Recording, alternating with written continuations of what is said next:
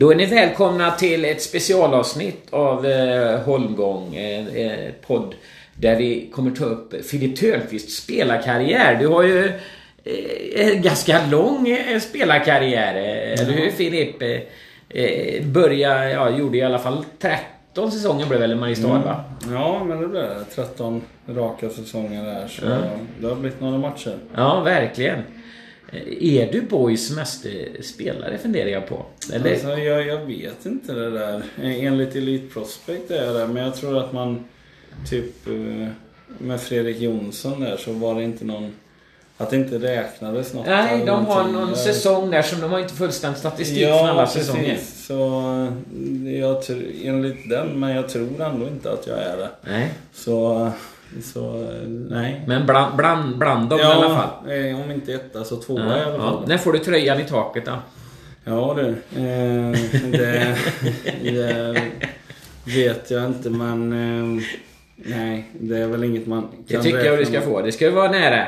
Ja, det skulle det verkligen varit och jag tycker ändå att jag har visat att eh, det, jag tycker att jag har gjort mycket för den här föreningen och Mm.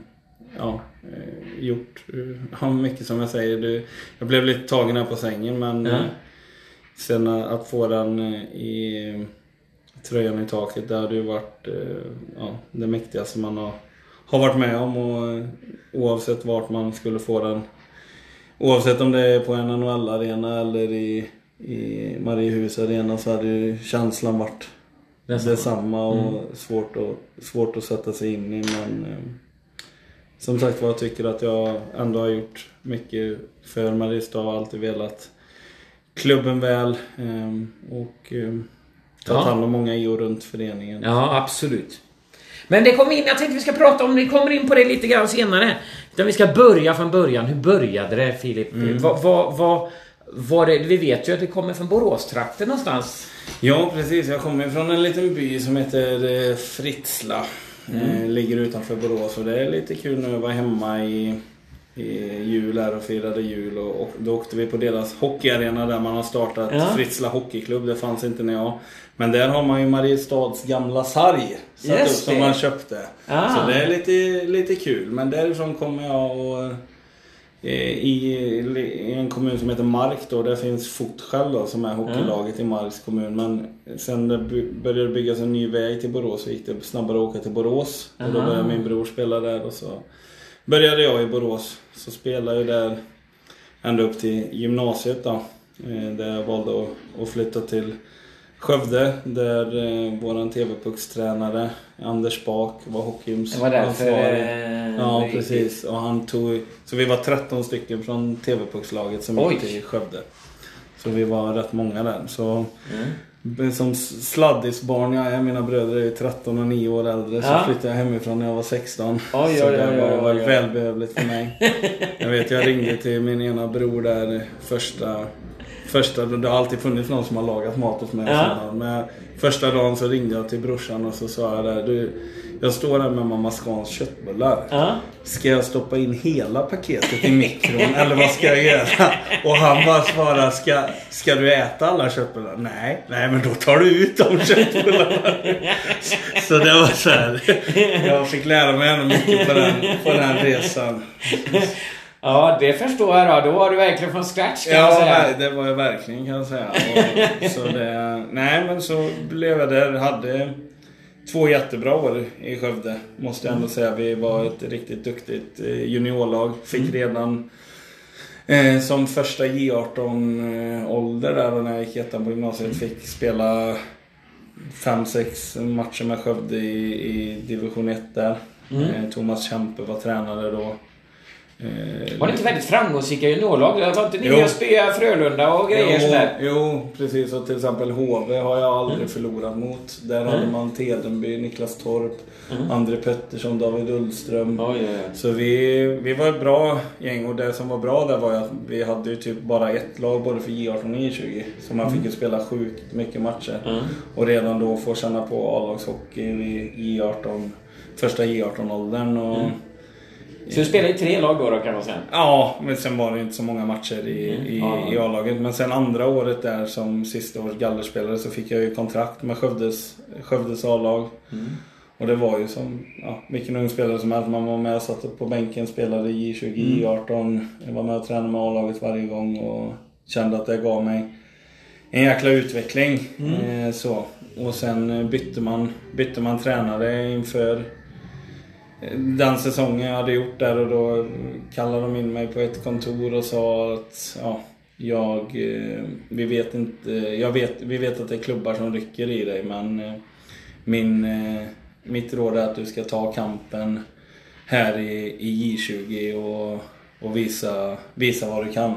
Jag vet till exempel om Skara i division 2 har ringt till dig så kan jag säga att de har en 13, 14, 15 forwards som är mycket bättre än vad du är. Sa han. Och då kände jag väl lite så här att... Ja, fan. Alltså jag har spelat J20 hockey. Ja. I J20 Elit sen jag gick i åttan. Jag spelade i åttan, började jag spela i Borås i J20 Elit och kände jag behövde, behövde göra någonting annorlunda för min Ja. utveckling. För jag kände ändå att jag var, var på gång. Så då vet jag att jag tog telefonen, ringde till Mariestad Boys, googlade upp något nummer. Fick Ja. prata med Sotaren.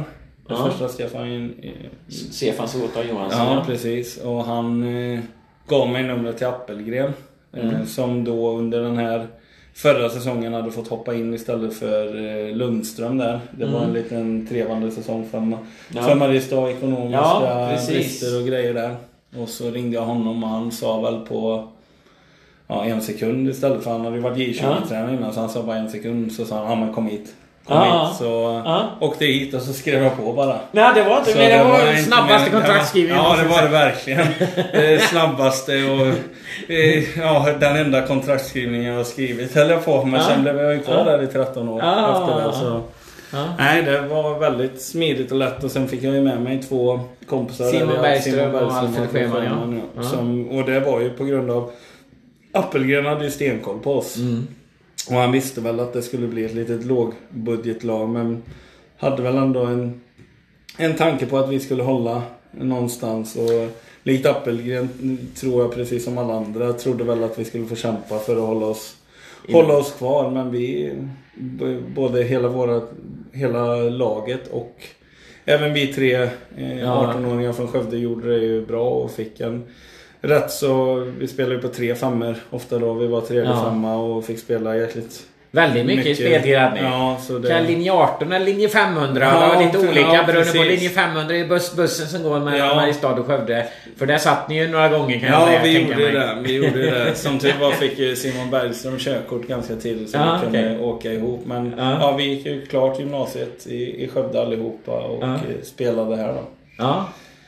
Och det, det gick jättebra som du säger. Det, vi måste ge lite bakgrund där då. Mariestad hade ekonomisk kris s- och hade gjort en satsning, allvarlig satsning mot att gå upp i Allsvenskan. Eh, Men eh, det blev lite för högt så de fick ställa in, eh, eller rätt sagt de, de bröt alla kontrakt under säsongen innan du kom. Och eh, eh, sa att eh, ni får söka till andra klubbar om ni vill. Men att eh, vi kommer fortsätta satsa med budgetlag då istället. Vi, vi rullar på. Så det blev ju en, en liten... Eh, säsongen gick ju Appelgren bland annat blev tränare och räddade i alla fall laget kvar i ettan. Eh, Så när du kom dit så var det en starkt krympt spelarbudget. Jag tror de hade skurit ner nästan med hälften, nästintill. Plus eh, dessutom då att eh, målen hade sänkts ganska radikalt från att vara ett topplag som ska utmana om en allsvensk plats till att bli, vi ska hänga kvar. Ja, precis. Och det, det var ju det laget vi, vi i stort sett Det var egentligen två, två, två kedjor med etablerade spelare. Ja. Och så var det, som hade Och- blivit kvar trots lönesänkningar och grejer. Och så var det två kedjor med juniorer. Och knappt två kedjor men jag vet första Ja. kedjan bestod av Ronny Johansson, Fredrik Jonsson och Jakob Löv. Ja. Som han hämtade tillbaka från spel i division 3 i Ja, Stockholm. stämmer. Och sen andra kedjan var ju Per Edblom, Kristoffer Ekholm och Robert Medin. Ja, Så, precis. var ju Och Ed, Ed, Ed, även om Edblom senare Ja, blev en ja, riktigt bra precis. spelare så var han ändå en första års senior då. Ja, exakt. Och Ekholm var ju inte heller... Nej. Alltså han hade ju inte gjort så mycket på här. Nej. Det var ju snarare Medin då. Så, så mycket rutin fanns det ju inte Nej. heller medan de... Mitthäll hämtades tillbaka från Kobras Ja, i division 2. Ja, precis. Så eh, nej, det var en sjuk säsong och vi fick verkligen allt, allt att stämma från, eh, Jag vet, vår första träningsmatch var mot Skövde och jag kommer inte ihåg resultatet men jag vet att vi förlorade väldigt stort. Med typ 8-2 eller någonting. Eh, och då, då kände väl många att det, det kommer Det blir en jobbig säsong. Men så hade vi Hammarö i premiären, vann med något så här typ osannolikt resultat, typ 11-2 eller något sånt. Jag tror Fredrik Jonsson gjorde fyra mål. Och sen från den matchen så bara rullade allting på. Sen hade vi ju Åkerström givetvis, ska vi inte sticka under stolen men gjorde väl Han var också livssäsong. tillbaka, tillbaka Ja, i Borussia. Precis. Så det, nej, allt, jag tror Appelgren behöver inte, han behöver inte byta femmer en enda, Nej. en enda gång från andra träningsmatchen Nej. och framåt. Så allt bara rullade på. Från Inga led- skador, ingen, ingenting. ingenting. Från ledarstaben fram till varenda spelare. Så Ja. gjorde sin, sin bästa säsong man hade gjort i, i karriären hittills. Där då. Ni kom tvåa i, i grundserien. Efter Örebro tror jag. Ja, som stämmer. satsade stenhårt. De hade ju eh, ja, sj- ett sjukt satsande lag. Jag menar, Ja. de hade ju... Deras första kedja så tjänade ju mer pengar än vad hela laget Ja, och sen vet jag i, i allettan där med. Ja. Så när vi mötte Örebro, eh, då hade vi ju i laget hade vi den där drömfemman som fanns på Sportbladet. Ja. Man skulle ta ut sina Precis. fem bästa spelare i SHL. Ja. Och, då, och då gick det inte att byta så här utan man tog ut de fem Ja. bästa och så på en hel säsong då. Så gjorde vi den tävling i laget och jag vet då värvade ju Örebro någon från HV, en finne Niskanen Ja, eller någonting. precis. Och han hade ju Robert Medin, hade ju honom i sin drömfemma. Så han sa ju till han borta i Örebro, vad gör du här? Jag har dig i min drömfemma. så, så, Ja. nej, så det var... Men Ja. eh, jag tror vi, vi vann en del matcher mot dem det året. Det var... Eh, ni kom tvåa sen i allettan också, Mm. kan vi säga. Och sen i slutspelet så slog ni faktiskt ut dem. Ja. Och det var en... Jag kommer ju ihåg denna match, det måste du också göra, när den, spel, när den spelade Sudden Death. Eh, Lasse Trygg i avgör. Nej, men det här var säsongen innan. Var det säsongen för innan Lasse? Trygg kom till Skövde där mitt i, mitt i säsongen. Ah. Så jag tror vi bara... För vi hade... Jag tror det var väldigt få lag som gick till playoff från allettan. För det var bara ett playoffmöte. Vi mötte Valbo i playoff. så- så- Sen var vi i kvalserien. Så var det ja. Det Så, stämmer. så det, och då gjorde Sebastian Kollberg sin första match Valbo eh, borta som 15-åring typ. Åkte med och satt på bänken där. Så, eh, Jag, vet, jag har hört en story, jag vet inte om det stämmer. Han sa att de hade frågat hur var det att spela A-laget nu och det, det, det han, minnet han tog med sig var att han fick, han fick fri dricka. Ja, precis. Och, ma- och matlådor. Så han fick till och med två tror jag. Så, så han var nöjd. Ja. Nej men det var en fantastisk säsong. Och sen likadant i, i kvalserien där då hade vi väl lite, lite flax också. Vilket man ska ha. Det var ju typ eh, Hammarby skulle varit med och kvala men drog sig ur tror jag. Så vi var bara fem lag i kvalserien. Vi, Troja, Asplöven, Huddinge och Väsby. Mm. Så då, och så var det om två platser där. Så blev det vi och Troja vi avgjorde. Inledde svagt också med två förluster väl? Ja, eller? det kan säkert Jo men så var det. Sen, sen var det, sen var det som maskin, bara körde överallt. Nej, men sen, ja, sen vann vi nog allt tills vi Förlorade mot Troja. Troja matchen. Men det kan jag förstå Det- kan det jag säga. förstå, ja. Det hade varit lite firande kvällen innan kan vi säga. Ja, det hade det varit. Det kan man lugnt säga att det var. Och vilket det ska vara när man har gått upp en serie. Så, nej, Jag var, vet, jag, hade ble, jag blev nästan onykter. bara gick in i omklädningsrummet efter, och efter matchen. Ja, nej, men det var, det var hårt vinnande, absolut. Ja, ja, ja. Eh, Är det, är det ditt... eh, Alltså, alltså gå så helt otippad eh, eh, från... eh, eh, Alltså... Ni var ju verkligen... Ni skulle bara hänga kvar till, Ja. att, till eh, ta hem hela skiten, gå upp i Allsvenskan. Ja. Det, det, eh, är det, är det, om du sätter, tänker tillbaka på det nu så här i efterhand, vad var det som gjorde det? Och, eh, finns det något att jämföra med? Nej, och det, det som är lite tråkigt med det är ju att det är så jäkla länge sedan nu. Alltså, man kommer ihåg vissa sekvenser och vissa... Men just hela resan, alltså det, det jag minns var ju verkligen bara som jag sa att allting, det bara flöt på. Allting, alla gjorde sin, fick vi powerplay så visste man att Ronny spelade över Fred, upp till Metall eller över direkt på Fredrik Jonsson och så small det. Visste, fick vi ett powerplay så visste vi att det blir mål.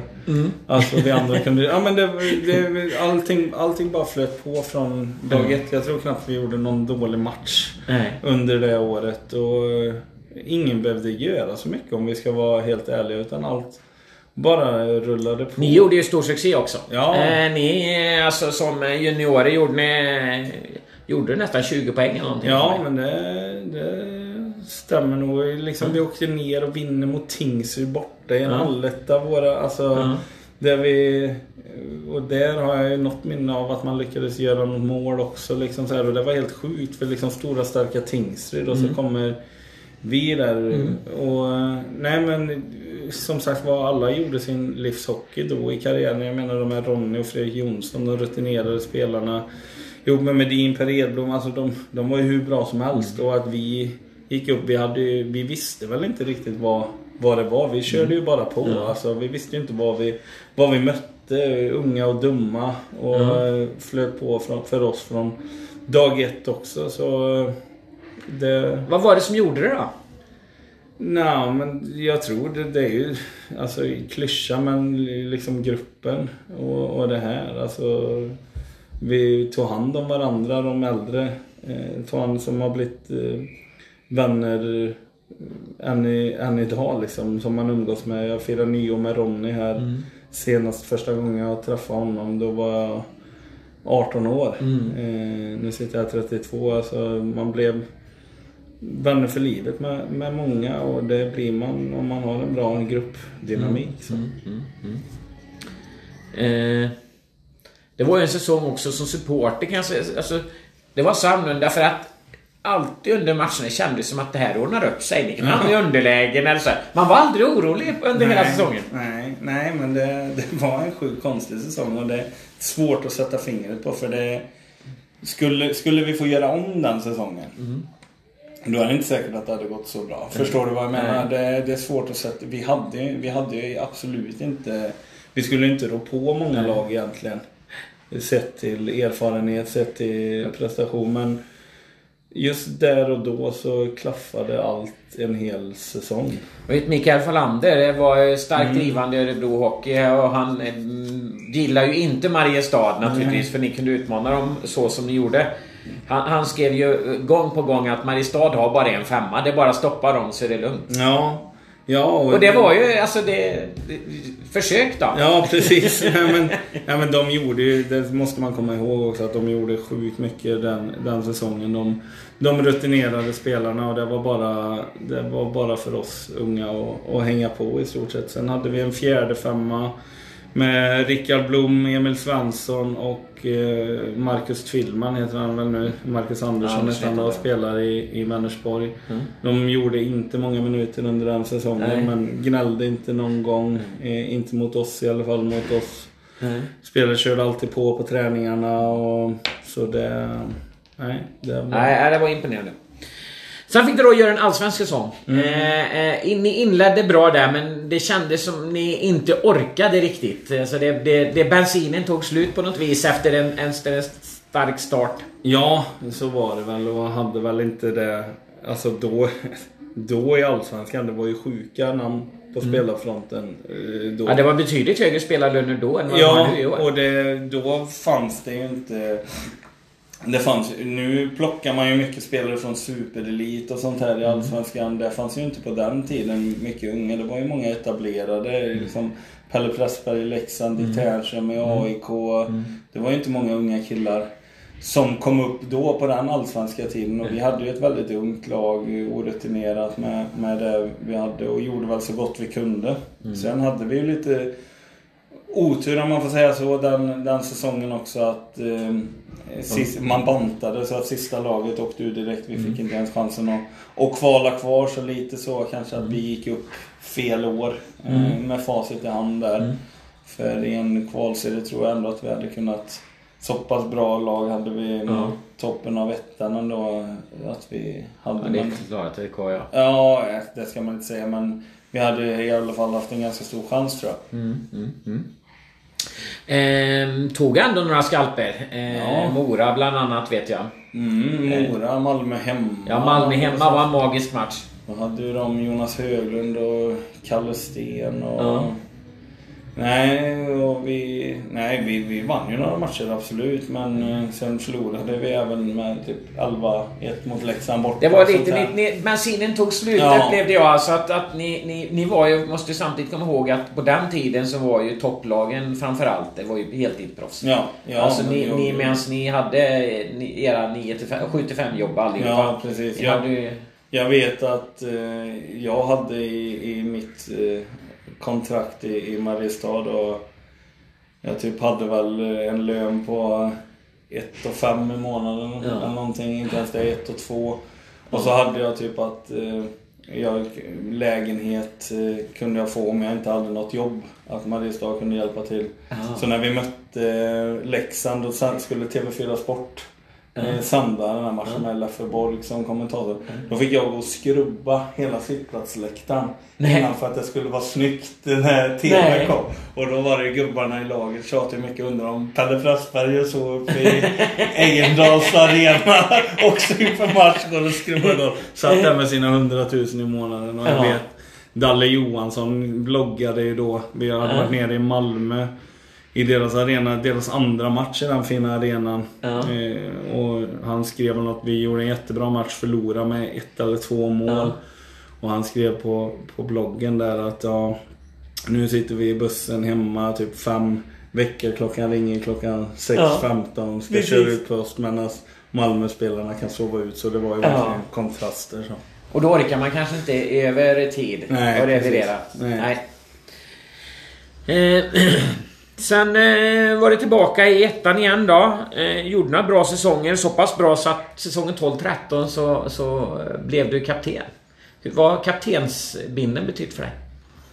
Nej men den har ju betytt eh, jättemycket självklart. Alltså som jag säger, det här är ju den föreningen som absolut har betytt mest för hela min karriär och hela, hela min eh, hockey, hockeyspelande. Jag har ju träffat den här föreningen mer än vad jag har gjort med min sambo. Liksom. Alltså, Så är det ju. Men jag har ju varit här mer än min vakna tid med, med Malin där hemma. Och få vara kapten för det representationslaget. Eh, det var sjukt häftigt och en stolthet som jag kommer bära med mig hela, hela livet. Eh, tror jag just att få göra det med föreningen du verkligen, verkligen eh, ligger i hjärtat på dig. Det, det är häftigt och stort. Du blev ju verkligen en, en, en nyckelprofil eh, i, i, i laget här. Det pratas mycket om det här med att eh, hemma hos fam- familjen Törnqvist, det var ungdomsgården. Det ingick att, att eh, där, där hängde man liksom, hela laget. Ja men det var, alltså så var det mycket och det var väl eh, vad jag fått till mig i efterhand så också att ja, men man var, jag var ju en väldigt stark ledare i gruppen och det var inte, jag kanske inte var den bästa hockeyspelaren som med mest skills men sa jag någonting så ville folk göra för mig. Alltså folk ville offra sig på det jag sa och lyssnade och ville verkligen göra mig till lags. För jag hade gjort så med alla när de kommer. Så höjde jag rösten att vi var... Även om någon tyckte fel så liksom, äh, fan han säger så nu. Och då... Det är han som säger det, han har gjort så. Jag, alltså man...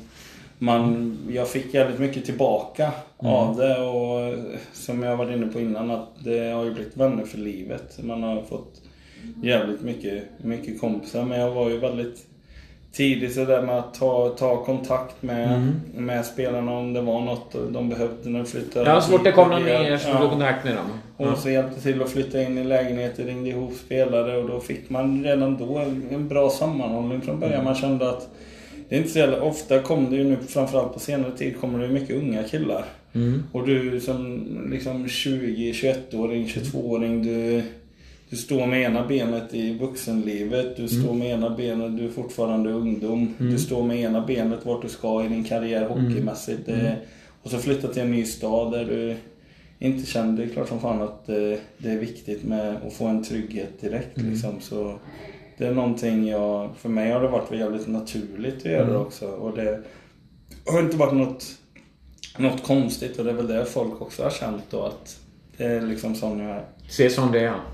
Du, du... Eh, Det pratas också om att det ingick liksom lite grann att jag ska bo på din soffa eh, någon vecka eller två Ja. också. Nej men det är många som har bott hos mig. Alltså, Erik Olsson bodde ju några månader när inte han hade någon lägenhet här. Douglas Lögdahl bodde ju typ tre månader. Filip Larsson bodde, Albin Hernad med flera. Det, det, det är många som har Ja. bott i gästrummet, så är det. Så det. Och det är väl också liksom, har varit naturligt. Ja, Malin är ju likadan. Det har liksom inte varit något, något konstigt. Det är klart att vi hjälper till. Alltså en liten stad det är svårt att få, få Bostad. bostad. Och liksom varför ska de sitta på ett tråkigt hotellrum Mm. de, när vi har ett gästrum över? Ja. Det, Ja. det, Vad heter det? Tror du att det gav upphov? Alltså... eh, Man, man kikar lite grann på, på, på spelare som har kommit och gått i Mariestad så ser man att det är väldigt många... Det är väldigt få som har gått om man säger så.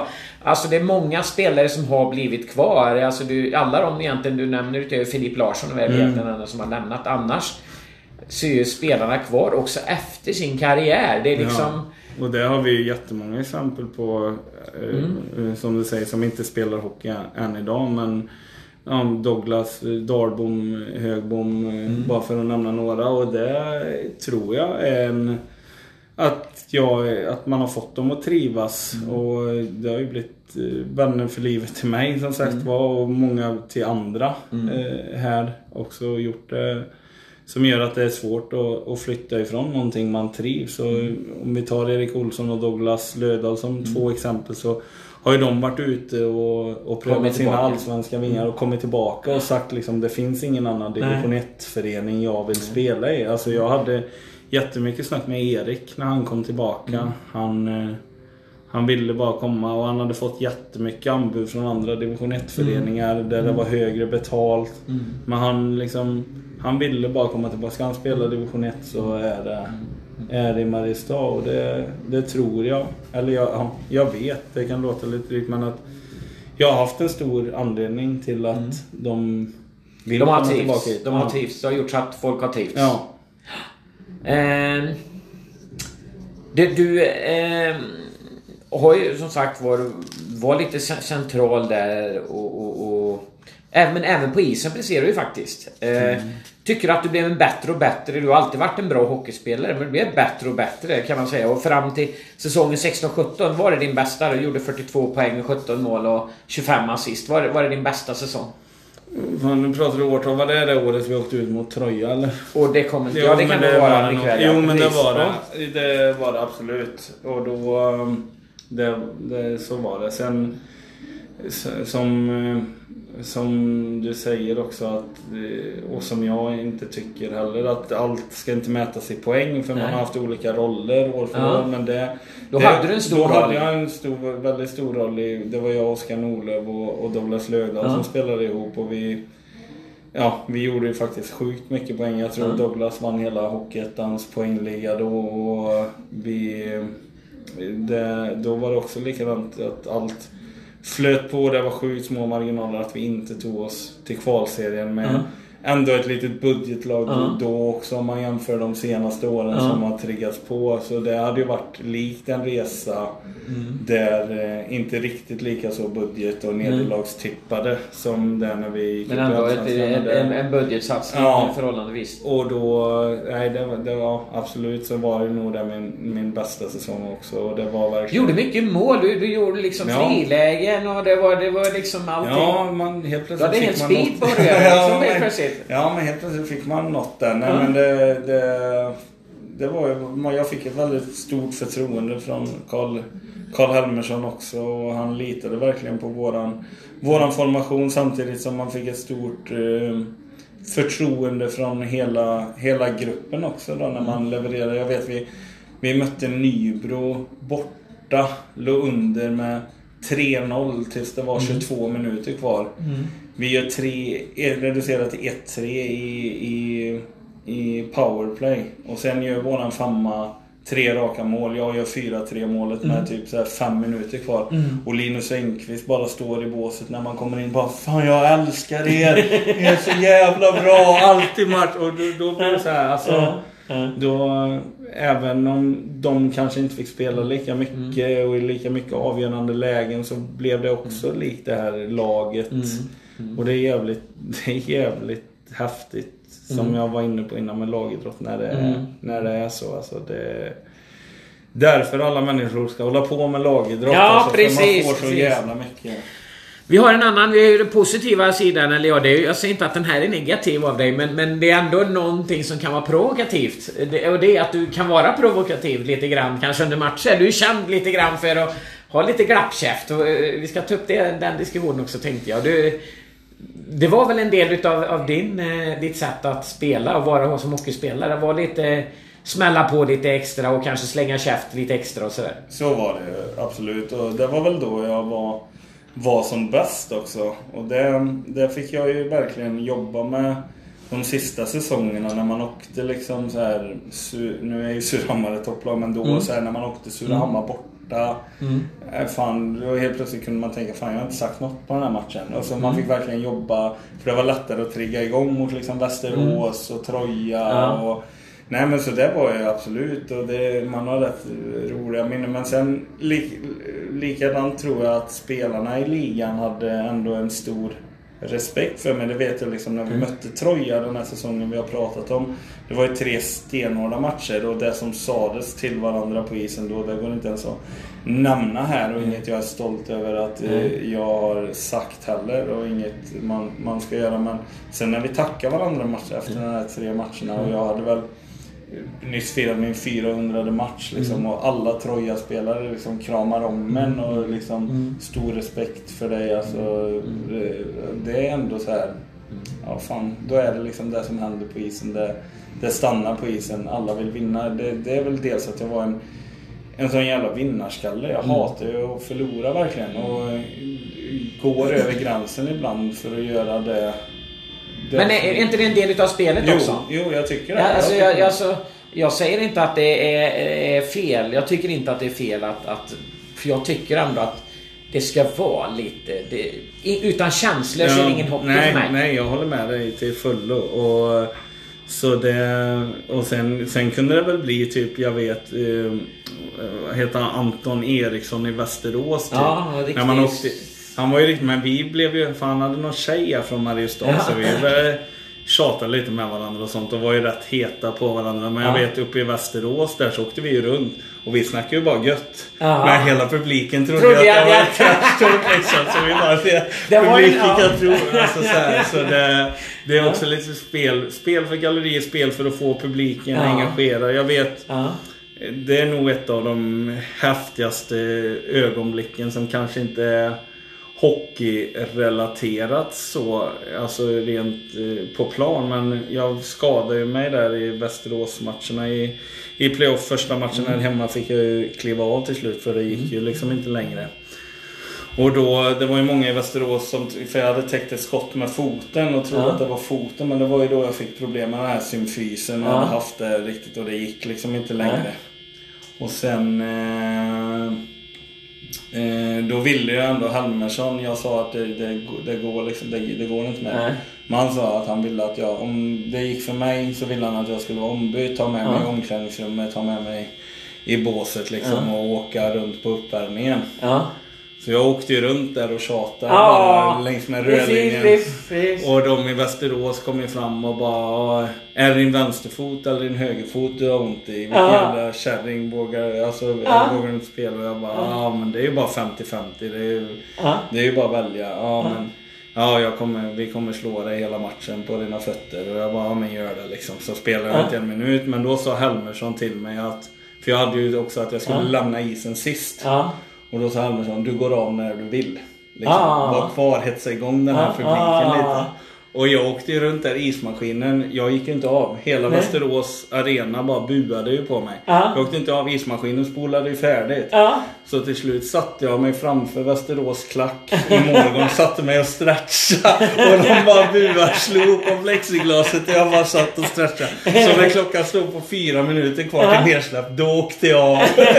Så det var också så här, alla de som var så här tokiga, det var rätt gött att bara sitta där och stretcha liksom så här, bara låta dem få skrika. Du har ju varit lite hatobjekt ifrån många, även jag Ja. vet Skövde, Skövdesportare, men, men de som ändå har träffat dig vid sidan av, Mm. vet jag, de vet ju att du är en helt annan människa vid sidan av isen jämfört med på isen. Ja, och det, det var ju också liksom så här som man lätt blir, att man har blivit tårögd för, för mindre saker i livet. Men just när man, när man slutade och valde att och lägga skridskorna på hyllan och få så mycket fint som jag har fått från Mariestad-supportrar. Det, det någonstans liksom visste man ju skulle komma och det betyder jättemycket för mig och något jag kommer bära med mig. Men just att få det från massa Skövde-supportrar, Skövdes ordförande.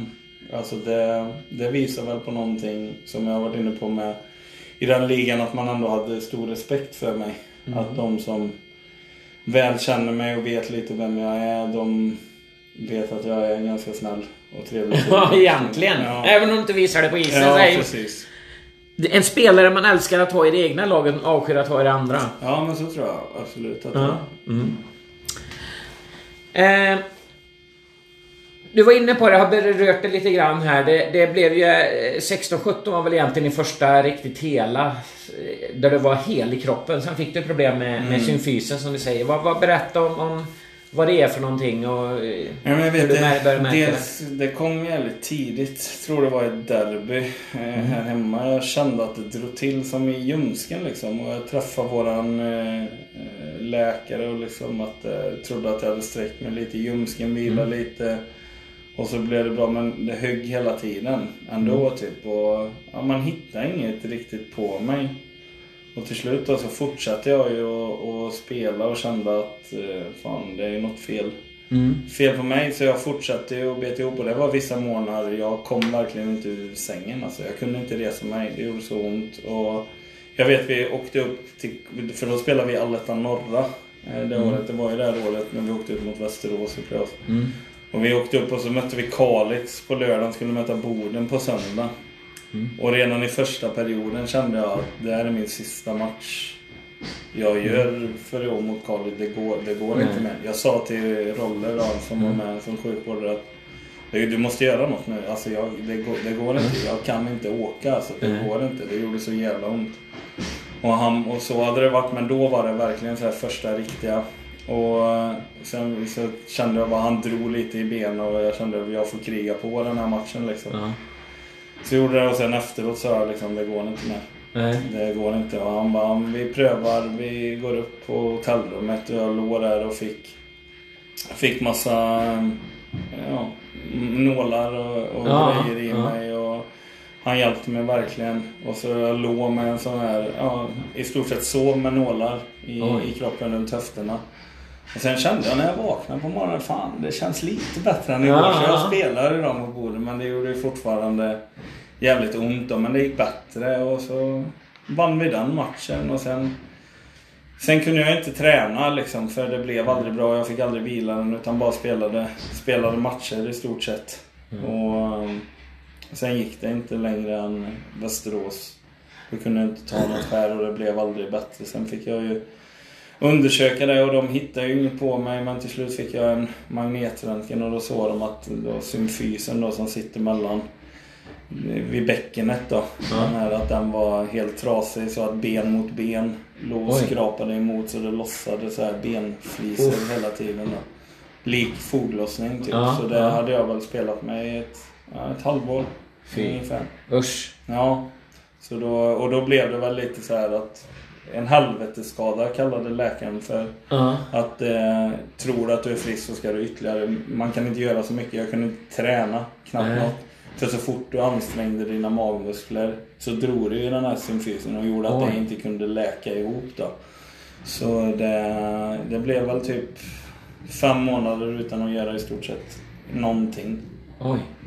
Så det, det var väldigt jobbigt psykiskt. Ja. Eh, Jag mådde inte alls bra under den perioden. Eh, sen- Men du opererades va? Eller? Nej, jag- man ville inte operera det här utan att det skulle få läka, Ja. läka självmant. Då. Och då blev det som sagt var fem månader utan, utan att göra någonting och sen successivt börja lite smått, lite smått och sen Ja. kom jag tillbaka och sen dess har jag inte känt något faktiskt. Men jag vet ju, för det är ganska ovanlig skada. Jag vet nu när jag började spela fotboll så var det en kille som hade likadant magnetröntgen. Han, fick, han har ju slutat, han kommer inte tillbaka på två år. Nej. Just för att man hoppar på för tidigt när man tror att det är läkt för det känns inte och så dras det upp igen och så blir det samma sak igen. Ja.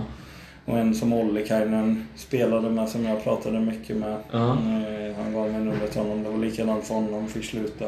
Så Ja. jag hade ju ändå turen att, att kunna komma tillbaka till slut.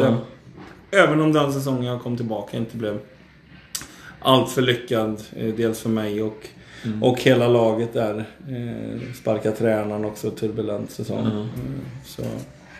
Men sen fick jag ändå avsluta med ett fint år. Tyvärr blev det Corona Ja. då. Men då hade vi verkligen något på gång kändes det som. Appelgren var tillbaka och ja, vi skulle möta Tranås här hemma i sista avgörande matchen så stoppades det. Mm. Mm. Ja, eh, var ni ett lag för eh, eh kvalserien eller ännu mer? Ja, kvalserien eh, var vi absolut och jag tror att vi hade haft jäkligt bra chans att, att gå upp faktiskt då. Vi hade...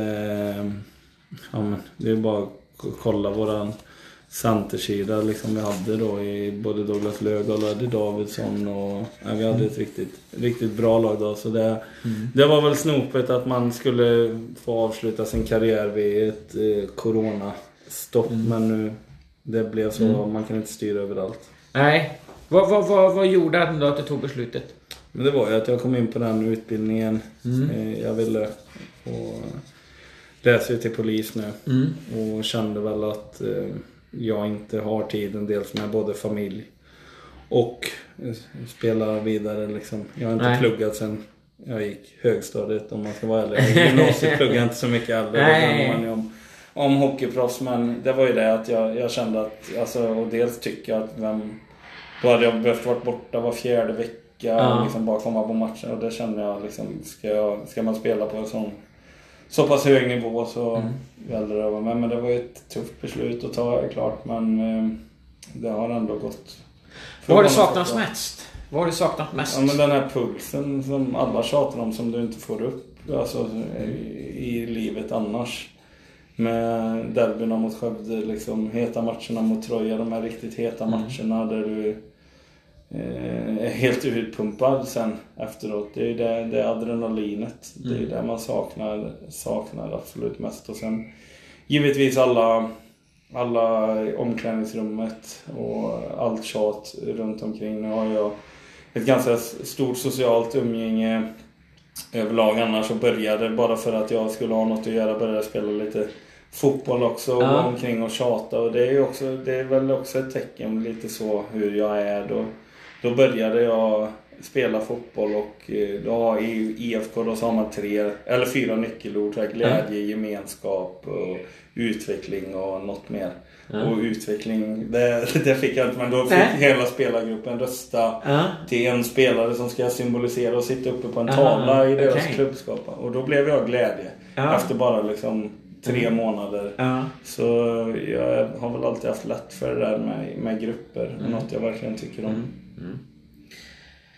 Du, eh, vad, vad jag gör annars med all tid nu då? Det, det, jag menar, det är ju Ja. det är så otroligt mycket tid som en hockeyspelare lägger ner. Jag, vet, alltså, Ja. jag tror inte ni kan... eh, Jag vågar nog inte räkna på hur många timmar ni lägger ner på en vecka, men Nej. jag kan tänka mig det är säkert en eh, 20-30 timmar i alla fall ni lägger ner. Ja, och ska jag vara ärlig så jag fattar inte hur det gick ihop. Nej. Alltså när man verkligen jobbade, hade familj. Du, jag tänker på det efterhand. Mm. Jag kan inte varit hemma någonting. Alltså vi som är på den här nivån och behöver jobba vid sidan om. Vi offrar jävligt mycket för, för våran hockey. Och det är väl någonting som supportrar och sånt kan, kan tänka på också. Att eh, vissa matcher gör man lite sämre. Eh, och vissa matcher gör man bättre. Men vi är bara människor som verkligen älskar att göra det, det vi gör. Och som här i Mariestad nu liksom. Det finns väl inte jättemånga, några heltidsproffs men de flesta jobbar ju liksom. Ja. Och det, det, det är så mycket tid och, som man, man får lägga ner för att man tycker det är kul. Och sen liksom ändå ha kravet på sig att prestera varje dag. Vilket vi, jag, jag har ju också blivit supporter nu, vilket man känner att fan i, idag var inte han bra, idag var inte han. Men så tänker man till lite fan, ja, han kanske jobbar 7 till 4. Ja. Och det har varit tufft på jobbet för honom. Och så ska han åka upp hit Ja. och prestera inför 1500 Ja. personer och 300 som kollar på webbsändning. Alltså. Så det... Nej, man offrar jävligt mycket för något som ger jävligt mycket tillbaka också. Men vad gör du av den tiden nu då? Jag vet faktiskt inte, för jag vet inte hur jag hade hunnit. Jag, alltså, nu försöker jag väl spela lite paddel men det är knappt Ja. jag hinner, hinner det. Men nu, nu är det ju mycket... Alltså det är ju, plugget tar ju en del så jobbar jag, försöker jag jobba samtidigt som jag pluggar Ja. eh, 50%. Och sen har man ju familjen så det är klart att den tiden lägger man väl lite extra på familjen som man inte har, eh, har eh, haft innan. Men min dotter då, Signe, hann ju inte se så mycket innan jag slutade. Hon har väl bara sett några matcher och kommer aldrig komma ihåg det. Men Mm. Astrid då som fyller åtta i år, hon kan ju sakna Ja. att jag inte spelar. Hon tyckte det var kul. Hon är ju i stort Ja. sett uppvuxen i, i ett hockeyomklädningsrum med, med grabbarna där så... Men eh, jag vet inte vad jag gör. Det är ju fa- familjen och, och paddel då. Och så är tanken att du ska bli polis. Ja. Eh, gör din pr- praktik nu snart eller? Ja, 3 juni är väl min sista dag i skolan där så. Ja. Och vart hamnar du då? Då ska jag vara i Skaraborg. Ja, någonstans. roligt. Mm, så Får vi se du patrullerar ute på gatan. Tror du med en bra polis? Vad, vad, är, vad utmärker en bra polis? Ja, men det är väl lite eh, som eh, en lag som en bra lagidrottare. Det är väl det som är lite roligt att det går lite hand i hand. Känner jag man är inte bättre än den svagaste länken. Eh, Det är ett jäkla lagsamarbete men sen är det ju din, din sociala kompetens som till största del eh, att man kan lösa många situationer genom eh, sitt sociala eh, och prata mycket och kunna, kunna tjata med allt och alla om det ena och det andra. Så det är väl den största egenskapen jag har sett och något som jag kommer ta med mig som är en stor egenskap för mig, det är just det, det sociala. Mm. Apropå social ska jag avsluta. Du har haft en lite speciell relation med eh, supportrarna också. Eh, alltid eh, omtyckt och, och myntade ju ett uttryck som fortfarande används. Tillsammans är vi bäst i Skaraborg. Kan du Ja. berätta storyn bakom det? Nej men det var när, tiden när Despotovic spelade här. Så var han hemma och käkade, alltså ni i laget var hemma och käkade lite. Och då minns jag Kalle Johansson som är sportchef nu. Så satt vi där och sa fan vi måste hitta på något liksom inför derbyt imorgon om vi vinner. Så då bestämde jag att vi skulle skriva tillsammans är vi bäst i Skaraborg, något vi skulle åka ut med. Och då, ja, då gjorde vi det och sen har ju det blivit ett uttryck. Sen har ju våran kära grannklubb försökt anamma det lite. Jag såg på deras webbsändning igår och står det tillsammans är vi SIK. Så Oj. våran är Ja. lite bättre Ja, det tycker känns- det känns inte riktigt- Tillsammans är vi bäst i Skaraborg Ja, och det är ja. något vi verkligen har visat nu Ja. de senaste åren att vi, vi är också. Så det var ett bra uttryck tycker Ja, jag. det tycker jag absolut. Det tycker jag absolut. Och eh, en bra karriär får vi tacka för. Det har varit eh, en ära att ha dig i laget. Det har varit en ära att få spela här också med alla sådana inbitna supportrar som du är. Du är väl kanske ansiktet utåt för den mest inbitna supporter man kan träffa. Men det finns ju många likvärdiga som dig och fått spela inför en så fantastisk publik. För man ska komma ihåg att större delen, bortsett från all, allsvensk säsong, så var det ju Hockeyettan jag spelade. Ja. Och det är få förunnat att få spela för en sån engagerad och eh, härlig publik som det är här i Mariestad. Så det är väl jag som ska tacka. Då hoppas vi att ni är nöjda där och eh, som sagt var vi kommer få göra mer av Filip Törnqvist. Kanske inte om karriären men eh, vi hoppas fortsätta podda här om eh, eh, intresse finns. Då tackar vi för oss och vi återkommer på återhörande. Tackar.